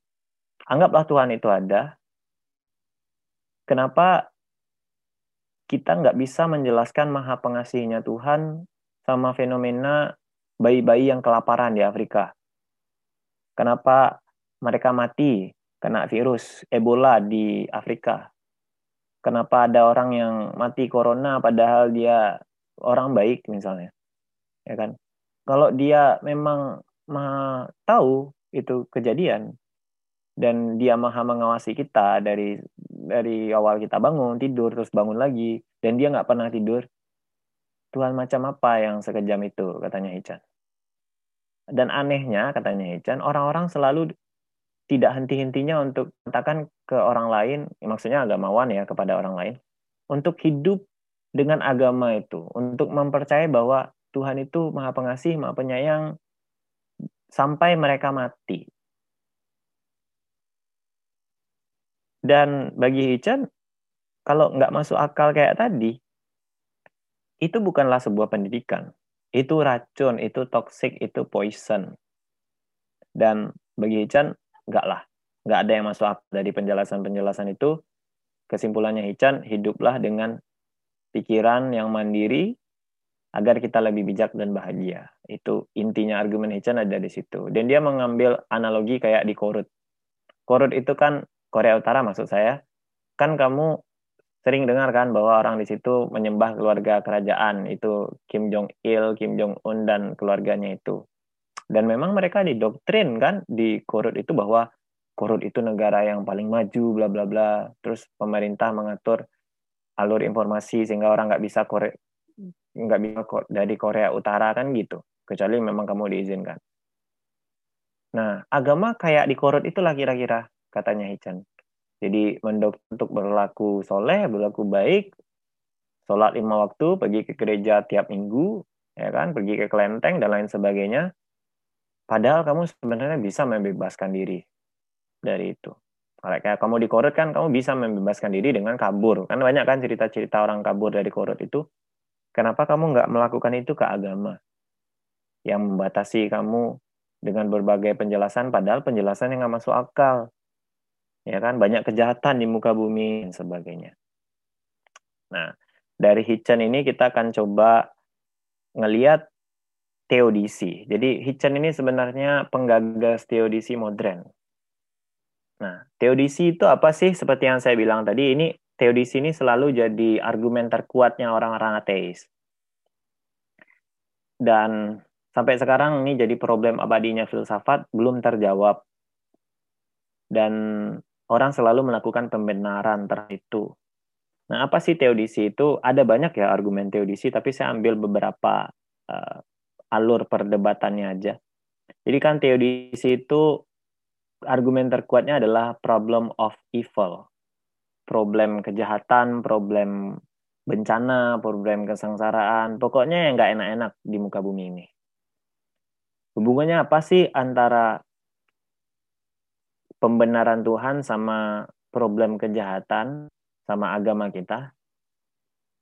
Karena ketika kita membahas Tuhan, ada problem akut. Yakni apa? Problem kejahatan tadi. Bagi kita kan Tuhan itu maha tahu, maha kuasa, maha penyayang. Kalau dia maha tahu, pasti tahu kalau kita menderita. Kalau dia maha kuasa, pasti mudah sekali bagi dia menghentikan penderitaan itu biar nggak jadi penderitaan. Kalau Tuhan itu maha penyayang, pasti dia nggak ingin kita menderita. Tapi buktinya, lah kok banyak penderitaan itu. Mau kamu sih nggak sakit. Lah kok kamu sakit? Apa Tuhan lupa sama kamu? Harusnya kan Tuhan itu sayang sekali sama kamu teman kamu yang lebih kurang ajar, yang lebih nggak soleh kok selamat sehat-sehat aja. Kamu yang rajin kok malah sakit. Kamu yang baik kok malah dapat penyakit. Ya kan? Kamu yang jujur nilaimu malah anjlok. Temanmu yang terus nyontek tiap hari malah dapat A. Ya kan? Kamu yang jujur di kantor jabatan aja orang yang bisa tidur sama manajernya kok malah dapat promosi itu kan sakitnya di sini itu ya kan apa Tuhan tahu kamu menderita apa Tuhan gak bisa bikin penderitaan kamu berhenti terus kamu bahagia kamu lulus cum terus kamu dapat pasangan yang ideal misalnya ya kan ya bisa lah dia maha kuasa apa Tuhan gak sayang kamu nggak mungkin Tuhan maha penyayang tapi buktinya kok kayak gitu. Ya kan? Itu problem kejahatan. Itu problem penderitaan. Apa salahnya orang-orang di di Yunani kemarin? Mereka nggak nggak terlibat perang, nggak terlibat apa-apa, tiba-tiba kena gempa bumi, kena tsunami, terus mereka tewas, ya kan? Atau tahun berapa? 2016. Orang Nepal itu eh, orang-orang baik tinggalnya di puncak gunung, nggak ikut ISIS, nggak ikut politik neko-neko, tiba-tiba kena gempa bumi, gunungnya runtuh, mereka tewas semua. Itu kalau mereka bisa protes, salahku apa coba? Ya kan?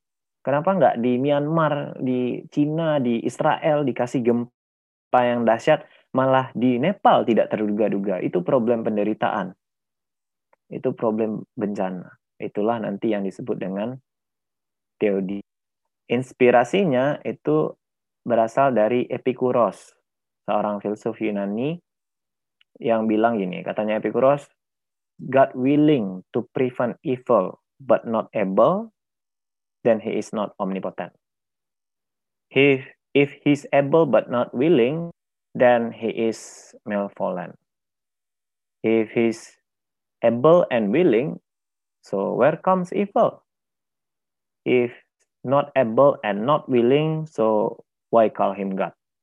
Katanya Epikuros, apakah Tuhan itu ingin menghindarkan kita dari kejahatan, tapi tapi dia nggak bisa? Oh, berarti dia nggak maha kuasa. Atau dia bisa tapi dia nggak mau. Ah, berarti dia nggak maha penyayang. Tuhan itu kan harusnya maha penyayang. Atau dia mau dan mampu. Terus kenapa masih banyak kejahatan, masih banyak penderitaan? Atau dia nggak mampu dan nggak mau? Lah ngapain kita sebut dia Tuhan? Nah, itu katanya Epikuros. Inilah yang dijadikan Hitchens dan kawan-kawan neo ateis sebagai gagasannya bikin argumen-argumen tadi. Ya. Nah, kemudian muncul beberapa pembenaran. Ya, pembenaran pertama ini paling sering dipakai hukuman. Jadi kalau ada orang yang dapat penderitaan, dapat musibah, kan kamu selalu bilang itu hukuman bagi orang-orang berdosa. Itu kan selalu bilang itu. Ya kan? Ini uh, yang sering dipakai kalau ada orang koruptor atau ada orang yang jahat terus kena kena apa kena sesuatu yang buruk kan kamu selalu wah itu berlaku kan selalu gitu. Ya kan? Jadi kalau kamu dapat kesusahan juga kan kadang-kadang kamu sering astagfirullah salah apa? Nah kan gitu kan? Nah itu berarti kamu punya persepsi bahwa kemudaratan yang sedang menimpa kamu itu hukumannya Allah berasal dari murkanya Allah. Nah, jadi banyak orang yang berargumentasi juga kalau ada yang lain dapat penderitaan, ah itu hukuman dari Allah. Itu bantahannya neo ateisme. Gimana kalau ada anak-anak nggak tahu apa-apa terus dapat musibah, dapat penderitaan, kena kanker lah, kena uh, tumor lah, kan banyak kan anak-anak dapat penderitaan katanya teman-teman itu mereka dosa apa? Anak-anak nggak punya dosa loh. Kalau kamu bilang itu hukuman, apanya yang mau dihukum? Mereka nggak punya dosa. Bantahnya itu.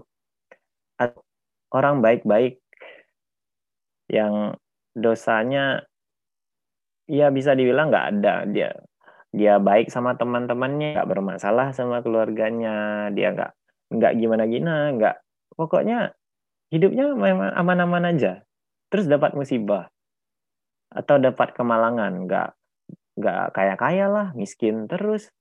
Nggak dapat jodoh lah. Ya kan banyak kan orang baik dapat kesusahan dapat musibah. Terus uang selalu tipis misalnya. Nilai nggak bagus-bagus nggak lulus-lulus. Banyak kan yang kayak gitu. Itu kurang baik apalagi apanya yang mau dihukum?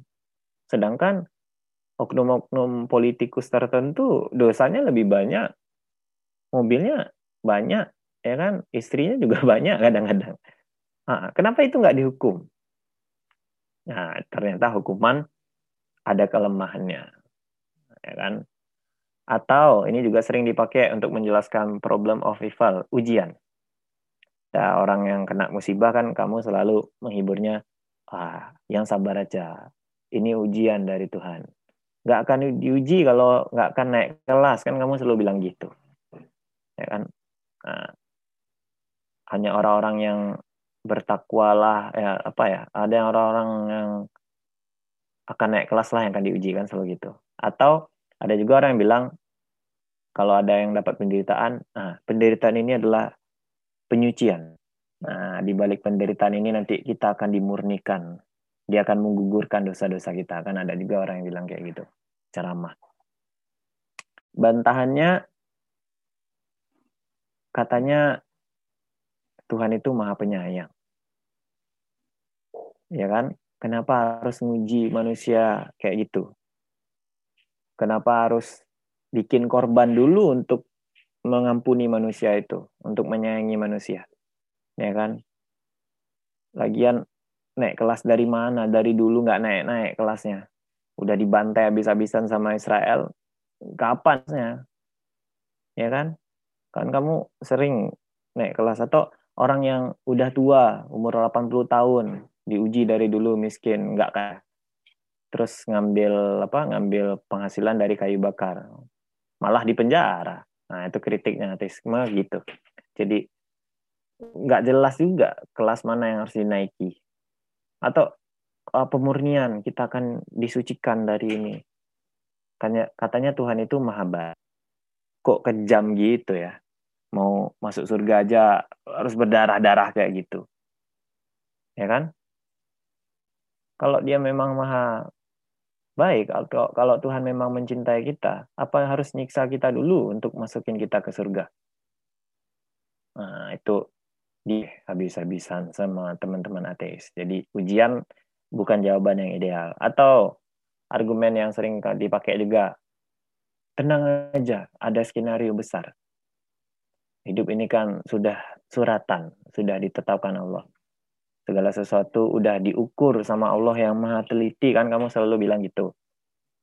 Katanya ateis kalau itu memang skenario besar apa ya terima orang yang dapat penderitaan? Misalnya kalau hidup ini skenario katanya ateisme ya udah kamu dapat peran hidup di Israel ya atau kamu dapat peran hidup di Palestina atau kamu yang kaya ya kamu terlahir dari keluarga. Lah kok tega Tuhan? Kok saya kebagian skenario yang jelek ya? Nah, kan gitu pertanyaannya. Kalau itu memang skenario besar kenapa dari dulu nggak berubah-berubah dan kenapa saya dapat skenario yang jelek? Apa adil Tuhan itu kalau dia semacam itu menerapkan dunia ini. Seolah-olah penderitaan sebagian orang adalah tebusan bagi kebahagiaan orang yang lain. Jadi uh, kalau udah kayak gitu apa apa nggak penyayang Tuhan itu? Apa apa harus ada korban semacam itu? Jadi ini kan kontradiksi sama Maha Penyayangnya. Sama kayak ujian tadi juga kontradiksi sama Maha Pengasihnya. Jadi ternyata skenario besar ada kelemahannya. Atau yang terakhir yang sering dipakai orang. Ya, jangan mempertanyakan problem of evil itu atau masalah penderitaan itu. Kita tuh nggak level kok mau membantah Tuhan, ya kan? Berhadapan dengan Allah, manusia tuh nggak imbang, beda levelnya. Kita tuh nggak akan pernah tahu, nggak akan pernah bisa ngerti apa maunya Allah. Udah, diam aja, jangan cerewet. Nah, itu kan sering kan orang pakai argumen kayak gitu. Dibantah lagi sama ateisme. Katanya ateisme nggak masuk akal lah. Masa orang yang hidupnya menderita nggak boleh protes?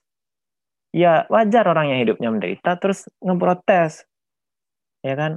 Udahlah hidupnya menderita, nggak boleh protes. Tega sekali orang-orang agamawan ini. Nah, bantahnya gitu. Padahal tadi udah dikasih jawaban-jawaban, nah, dibantai habis-habisan, terus disuruh diem juga nggak mau, dibantah lagi. Nah, jadi teodisi ini adalah problem akutnya filsafat. Jadi sampai sekarang nggak ada jawabannya. Hanya saja saya akan coba balik apa yang dikatakan oleh uh, teman-teman dari neo ateisme ini bagi saya problem teodisi atau problem neo-ateisme ada pada satu konsep bahwa orang-orang ini membayangkan Tuhan dengan sifat yang mereka persepsikan sendiri. Jadi kalau Tuhan itu maha pengasih, lo harusnya kan kalau maha pengasih Tuhan tuh bakal kayak gini. Nah, kan itu. Bayangannya kan kehendak dia. Lah, Tuhan kan tidak bergerak pada logika yang semacam itu. Misal dalam uh, penjelasan-penjelasan di hadis atau di Quran kan kita sering ketemukan bahwa ketika ada orang yang menderita, Tuhan itu kui loh. Misalnya di Al-Baqarah 55 sampai 57. Tuhan itu bilang bahwa dan kami pasti akan menguji manusia dengan kelaparan, dengan kecemasan, bla bla bla segala macam uh, agar apa ya agar kita mengetahui siapa yang beriman kan sering kayak gitu jadi kalau ada problem of evil itu Tuhan memang mengakui itu datang dari Tuhan itu sendiri. Tapi ada hadis yang menurut saya unik ya untuk kita renungi bersama bahwa ada hadis yang bilang kayak gini. Dan ketika orang-orang yang penderitaan di muka bumi dan dia berhadapan dengan Allah, Allah bilang ketika Allah memperlihatkan surganya ke dia, apakah kamu merasa bahwa kamu menderita di muka bumi dahulu? Katanya orang itu, sedikit pun saya nggak ngerasa menderita di muka bumi. Ketika dia berhadapan sama Allah dan dia mendapatkan surga, dia tidak merasa ad, apa ya penderitaan dia sebanding dengan surga yang dia dapat. Kebalikannya juga ada hadis yang menjelaskan orang yang mendapatkan kesenangan di muka bumi dan dia dijerumuskan ke neraka, Allah juga bertanya, apakah kamu merasa nikmat ketika kamu di dunia? Katanya orang yang di neraka ini, sesungguhnya kami tidak merasakan nikmat kecuali sedikit atau hampir nggak ada, kira-kira gitu terjemahan hadisnya. Artinya apa? kalau kita menyoal tentang problem penderitaan, problem kejahatan dan lain sebagainya, ada satu hal yang dilupakan oleh orang-orang neo-ateis atau teodisi. Yakni apa? Bahwa bisa mengatakan sesuatu itu sebagai problem penderitaan kalau orang yang menderita mengafirmasi atau mengkonfirmasi atau mengiyakan bahwa iya saya menderita dan ternyata setelah di akhirat saya mendapatkan pembalasan ini nggak adil. Nah, ya kan? Ternyata kalau kayak gitu baru kita bisa bilang Tuhan itu kontradiksi sama Maha Penyayang dan lain sebagainya. Tapi toh ternyata dengan segala penderitaan di muka bumi dan memang Tuhan mengaku itu, memang Tuhan memang memaksudkan itu semua dan Tuhan mengambil tanggung jawab yang proporsional ketika kita semua meninggal ketika kita semua berhadapan dengan dia dan Tuhan menanyakan ke kita, apakah kamu merasa saya tidak adil dan kita sendiri enggak, Tuhan itu adil. Saya tidak merasakan menderita sedikit pun. Itu kan berarti semua problem-problem penderitaan tadi, semua problem-problem yang diajukan Aris, Hitchen dan lain sebagainya itu batal. Dan logika ini sangat mudah untuk dipahami. Kayak kamu sama senior kamu itu loh senior kamu itu kan sering marah-marahin kamu atau atasan kamu lah, sering marahin kamu. Itu kan orang yang lihat orang lain kan, wah menderita sekali jadi junior. Menderita sekali dia jadi bawahan si A misalnya. Tapi setelah kamu mendapatkan semua penderitaan itu kan kamu jadi manajer lah, jadi CEO dan lain sebagainya. Kamu kamu bilang bahwa oh ada gunanya kemarin saya dididik keras, ya kan? Banyak kan yang kayak gitu ada gunanya senior saya kemarin mengospek saya. Sekarang saya mental saya lebih kuat lah. Saya sekarang punya banyak pengalaman dan lain sebagainya. Saya membayangkan Tuhan itu juga seperti itu. Ketika Tuhan menguji kita dengan ya membiarkan kasus pembegalan lain sebagainya, begitu kita kita meninggal, katakanlah kamu dibegal terus kamu meninggal gitu. Tuhan mengambil tanggung jawabnya itu dan katanya Tuhan ini loh balasan untuk kamu karena kamu sabar. Ada kan firman yang bilang maka berilah berita gembira kepada orang-orang yang sabar. Nah, begitu kita berhadapan dengan Allah dan Allah mengambil tanggung jawabnya itu, kita sendirilah yang akan bilang bahwa ah, nggak sebanding begal kemarin daripada apa yang saya alami di surga ini. Itu kan bodoh amat Allah mau nyiksa kamu kayak di Palestina itu misalnya. Allah mau nyiksa atau membiarkan penyiksaan yang ada di situ sebrutal apa pun lah kalau kita melihat di muka bumi ini, kalau ternyata setelah orang Palestina itu meninggal dan orang itu bilang bahwa enggak, Tuhan itu maha baik kok, saya bersyukur saya dibantai habis-habisan sama Israel gara-gara sekarang saya di surga. Dan saya nggak merasakan sedikit pun penderitaan itu. Itu kan semua problem penderitaan batal. Inilah yang menurut saya gagal dipahami oleh orang-orang neo ateis karena dia dari awal mengasumsikan bahwa akhirat itu udah nggak ada, maka dia nggak bisa sampai pada kebenaran bahwa Tuhan itu bertanggung jawab atas semua penderitaan. Dan kitalah yang akan bersaksi bahwa pertanggungjawaban itu adil. Jadi saya membayangkan kalau kejadiannya semacam itu, orang-orang yang menggugat Tuhan dengan problem of evil ini dia bakal ibaratnya apa ya bakal gigit jari sendiri ya kan karena ketika dia melihat orang yang menurutnya menderita orang itu sendiri bilang bahwa enggak lah Tuhan itu maha baik hmm, jadi benar kata ustadz-ustadz saya dulu bahwa Tuhan itu berada pada prasangka hambanya. Kalau kamu memprasangkai Tuhan itu jelek, nah kamu bakal bakal menjadi anti Tuhan pasti. Tapi kalau kamu husnuzon, kamu positive thinking, dan kamu percaya bahwa yang kayak gitu akan terjadi, ya Tuhan bakal kayak gitu juga. Nah, jadi uh, kenapa saya percaya pada dalil semacam itu? Ya, itu kan pertanyaan. Kan saya orang filsafat, kenapa saya kemudian percaya pada dalil itu? Sebenarnya saya tidak serta-merta percaya pada dalil yang demikian aja. Tapi kita harus analisis bahwa dalil itu dikeluarkan oleh Allah melalui Rasulullah Shallallahu Alaihi Wasallam ribuan tahun sebelum Christopher Hodge, Sam Harris, Daniel Dennett, Richard Dawkins dan yang lain-lainnya itu lahir, ya kan? Jawaban itu udah ada loh sedari awal di situ. Artinya apa? Bagi saya Tuhan itu sendiri udah maha cerdas. Bagi saya Tuhan itu sendiri udah pintar sekali dia. Hanya Tuhan menurut saya yang mampu membuat bantahan ribuan tahun sebelum orang menggugat dia secara konkret.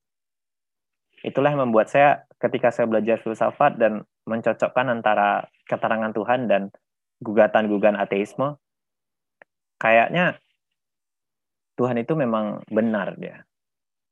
Saya malah beralih pada kesimpulan itu karena menurut saya nggak mungkin karangan-karangan manusia aja yang dulu-dulu atau mungkin kita sebut Muhammad itulah yang mengarang dalil ini nggak mungkin. Kenapa? Karena Rasulullah itu sendiri juga dia tidak bisa membaca. Kalau Hitchens, Richard Dawkins dan ateis-ateis ini dia dia belajar di universitas. Jadi kalau dia bikin argumen macam-macam dan canggih minta ampun misalnya, ya kita bisa anggap itu wajar karena dia mempelajari itu. Dia bisa membaca, dia ada literasinya. Kalau Rasulullah kan nggak ada literasinya. Dan itu udah ada loh, argumen itu udah terletak di situ ribuan tahun yang lalu. Bagi saya nggak mungkin itu kalau nggak Tuhan tuh nggak mungkin. Nggak mungkin juga Rasulullah itu nggak Rasul dia nggak mungkin. Karena dia nggak bisa membaca pasti itu dia utusan Allah dan pasti Allah itu memang benar-benar Allah. Dan kalau kamu ketemu dalil-dalil yang lain itu juga menunjukkan bahwa Allah itu maha kuasa memang dan dia maha pintar. Jadi saya bertuhan itu lebih ke arah Tuhan itu mengagumkan dan dia mempesona dan karena itulah saya bertuhan kepada dia. Saya lebih bertuhan dengan konsep semacam itu. Ya tapi tentu konsep ini kembali pada diri kita masing-masing ya intinya kritik terhadap uh, apa kritik terhadap teodisi itu demikian. Sedangkan kalau kita ingin kritik balik yang neo ateisme ya kita bisa lihat kan bahwa misal Dawkins bilang tadi agama itu racun bikin kita jadi radikal loh. Kita harus lihat bahwa nggak bisa dipungkiri bahwa agama itu bisa bikin orang baik juga. Bahkan ketiadaan agama bisa bisa bikin orang justru nggak baik. Misalnya perang dunia dua kan bukan agama. Atau uh, komunisme perang dingin. Motifnya juga bukan agama. Tapi kan bunuh-bunuhannya lebih dahsyat daripada 9/11 daripada perang salib dan lain sebagainya. Lebih dahsyat itu menurut saya. Perang dunia satu itu juga bukan agama. Tapi ada sebuah wawancara uh, eksklusif Dawkins dihadapkan dengan fakta-fakta kayak itu katanya Dawkins loh itu mereka membunuh bukan karena mereka ateis tapi karena mereka ingin membunuh demi kekuasaan jadi bukan ateis yang menyebabkan orang jadi pembunuh tapi memang orangnya loh kalau Dawkins menjawab seperti itu kritik saya ya kenapa Dawkins gak bisa ngelihat orang jadi teroris atau orang jadi fundamentalis itu bukan karena agamanya, tapi karena tafsir orang terhadap agama itu. Kenapa Dawkins menurut saya malah menjadi dogma baru. Jadi dia mengkritik orang untuk begitu aja membuta percaya pada dogma. Loh, dia juga membuta pada ateismenya itu menurut saya. Karena toh dia nggak bisa secara faktual melihat bahwa ada loh orang-orang baik dan dia beragama. Bahkan galnya Gandhi itu kan dia aktivis dari Hindu, eh, Hindu ya, ya Hindu yang ada di India yang jadi peraih apa loh peraih uh, gelar tokoh perdamaian dunia loh dan dia beragama dia berkampanye dengan ahimsa dan itu nggak pernah disoal sama Dawkins ya kan atau Daniel Dennett yang pakai biologi tadi ketika uh, Daniel Dennett bilang enggak lah agama itu proses evolutif kok dan alam semesta ini juga bisa dijelaskan secara evolutif. Misalnya gitu. Kritiknya gampang. Ya, memang segala sesuatu itu evolutif. Lagi-lagi kita harus mendengar keterangan Tuhan. Kan Tuhan menjelaskan, misal di Quran, dia menjelaskan bahwa uh, dia menciptakan bumi itu dengan tahapan-tahapan tertentu, ya kan? Misalnya kayak manusia, dia menciptakan dengan segumpal darah, eh, dengan segumpal uh, berawal dari air mani, kemudian dijadikan darah, dijadikan tulang kan ada kan yang kayak gitu. Lo berarti kan memang sedari awal dia mengafirmasi bahwa bahwa dia bekerja dalam prinsip-prinsip rasional tertentu. Memang ada prosesnya. Jadi kalau kita bilang ini bisa kok dijelaskan secara evolutif bla bla bla. Kalau saya mengkritiknya, lah iya benar, memang Tuhan bilang kayak gitu. Berarti Tuhan koheren loh. Tuhan konsisten loh dia memang bilang kayak gitu. Saya kalau saya bilangnya. Kecuali Tuhan itu bisa bilang, berdoalah kepadaku, maka misalnya ini, ini secara konkret ya di, di kehidupan kita sehari-hari. Berdoalah kepadaku, maka akan akan kusembuhkan. Dan kesembuhan itu nggak pakai proses. Misalnya dia bilang gitu di kitab. Ternyata kita untuk sembuh itu perlu butuh proses. Nah, itu baru koheren, itu baru tidak konsisten. Tapi toh ternyata Tuhan itu nyuruh kita berdoa dan nyuruh kita juga berusaha. Ya kan? Nyuruh kita juga berobat. Itu kan berarti dari awal dia memang bilang bahwa iya hidup ini saya desain dengan proses itu. Dan saya menyembuhkan juga pakai proses. Makanya kamu disuruh kan kan kata ada kan hadis uh, hadis yang uh, bilang bahwa ya Rasulullah orang ini sakit terus Rasulullah berdoa. Terus Rasulullah bilang bawalah dia ke dokter. Loh, kok dibawa ke dokter ya Rasulullah? Kan tadi udah didoakan, katanya Rasulullah, iya Tuhan menitipkan kesembuhan di tangan dokter itu.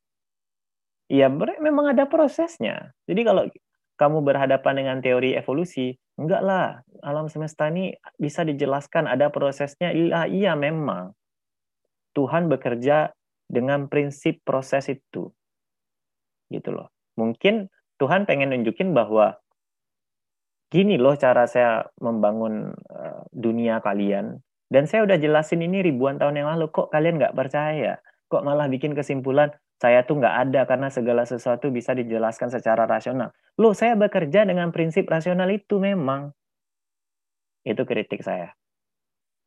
Atau masalah si Sam Harris tadi, kenapa Tuhan itu sangat peduli sama kehidupan di bumi yang nggak seberapa besar dibandingkan alam semesta ini terus dia malah ngatur kita sebaik apa serinci mungkin. Itu kan kritiknya Harris. Kok ada Tuhan yang semacam itu? Loh kalau memang dia pengen ngatur kamu karena dia peduli salahnya di mana? Misalnya kayak orang tua kita ini kan logika-logika gampang yang menurut saya kalau kita benar mikir serius kita mampu kok menjawab pertanyaan itu. Orang tua kamu gitu. Dia kan bisa aja ngadopsi anak yang banyak itu kan di panti asuhan. Kenapa harus kamu yang dia perhatikan? Ya kan jawabannya karena dia cinta sama kamu. Ya toh? Kenapa Tuhan sangat fokus kehidupan di bumi ini? Kenapa nggak di Jupiter? Dia ciptain aja makhluk yang lain. Kenapa nggak gitu? Ya mungkin Tuhan sukanya sama makhluk di bumi itu dan kenapa juga itu salah gitu loh jadi bagi saya justru pertanyaan-pertanyaan kayak itu pertanyaan yang simple dan bagaimana kita menjawab ini ada kuncinya pada kehidupan kita sehari-hari ya kan terus juga uh, Hitchens ketika kita menjawab dia tadi dengan teodisi itu kan problemnya Hitchens tadi udah kita jelasin juga dalam problem of evil. Enggak, kalau ternyata manusianya sepakat-sepakat aja, maka problem yang diajukan Hitchens bisa dibatalkan. Nah, itu kira-kira menurut saya refleksi untuk hari ini, apa sih yang bisa kita pelajari dari ateisme itu? Bagi saya adalah, kamu harus belajar, kita harus belajar tentang kritik mereka mengenai keberagamaan kita. Kayak misalnya, uh, Karl Marx tadi yang mengkritik kita bahwa agama itu bikin kita nggak mau berjuang. Sering kan tanpa sadar kita kayak gitu. Atau bikin mentalitas kita kayak Buddha. Sering kan kita mengkambing hitamkan Tuhan. Atau uh, bikin kita kayak ilusi infantil, kata kayak anak-anak. Banyak kan orang debat-debat agama tuh memang kayak anak-anak. Atau uh, apa ya? Atau kayak argumen neo-ateisme tadi yang bilang sebenarnya kita tuh bebas loh. Tapi kenapa kita mengekang diri kita? Itu kritik bagi kita yang mungkin punya keinginan sebenarnya saya pengen free sex, sebenarnya saya pengen ngedrugs tapi Allah nggak nggak nggak bolehin. Ya boleh, apa boleh buat kan? Ada kan mungkin kita yang mikir kayak gitu. Maka kita harus belajar untuk menjawab pertanyaan apa gugatan-gugatan ateis ini. Kalau kamu udah belajar Marx tadi misalnya, jangan pernah menjadikan agama jadi pelarian. Kalau enggak nanti agama kita persis seperti kritiknya Marx. Berjuanglah setelah mendengar Marx tadi. Berjuanglah setelah mendengar Nietzsche tadi. Jangan pernah mengkambing hitamkan Tuhan lagi setelah kita bela. Jangan pernah berdoa ketika kita perlu aja. Jangan pernah iya kan menuju Tuhan ketika kita dapat musibah aja. Ketika senang-senang kita lupa. Itu bikin mentalitas kita jadi budak. Jangan jadi budak setelah kita belajar Nietzsche. Jangan apa jangan mengaya, menghayalkan hal-hal yang hal-hal yang ya yang dosa tapi kamu harus membayangkan enggak Tuhan itu mengatur kita karena dia sayang sama kita dan kita memang juga menyayangi Tuhan. Menang diatur. Agar kita tidak sesuai dengan kritik neo ateis tadi. Tapi kalau kita tidak mampu berpikir kayak gitu maka menurut saya ya saya lihat banyak orang yang nggak mau belajar ateisme justru beragama persis seperti kritik ateisme tadi.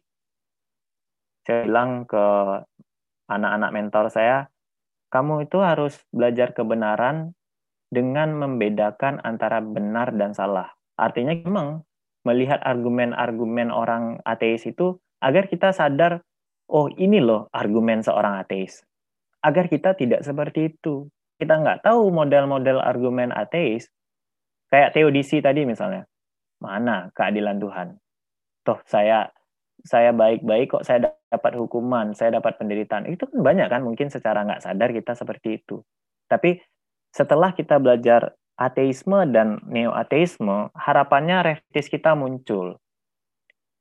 Jadi kita tidak berargumen atau berpandangan seperti orang-orang ini. Jadi refleksi kritis itu artinya kita harus melihat segala sesuatu dari dua sudut pandang. Jadi kita tidak hanya sekedar marah-marah kan sering kan orang marah-marah apa ini ateis ini orang-orang kafir ini. Terus kita nggak mau lihat lagi argumen mereka gimana. Ya ujung-ujungnya kita beragama apa sih seperti kritik mereka. Dan rasional kan kritik-kritik mereka tadi. Gitu loh itu refleksi kritis untuk hari ini dan yang kedua yang bisa kita ambil adalah ya memang ternyata akal kita itu terbatas ya kan? Apa sih uh, apa yang nggak kita bisa debat ketika kita berangkat dari akal? Termasuk jawaban saya tadi kalau dikasih ke AT saya yakin adanya lagi ya kan? Itu bisa dibantah lagi. Dan itu nggak selesai-selesai memang. Saya tadi bilang kan bahwa perdebatan tentang Tuhan itu danani kuno dari uh, Epikuros itu sampai Neo ateisme ini loh nggak selesai-selesai. Kan kenapa?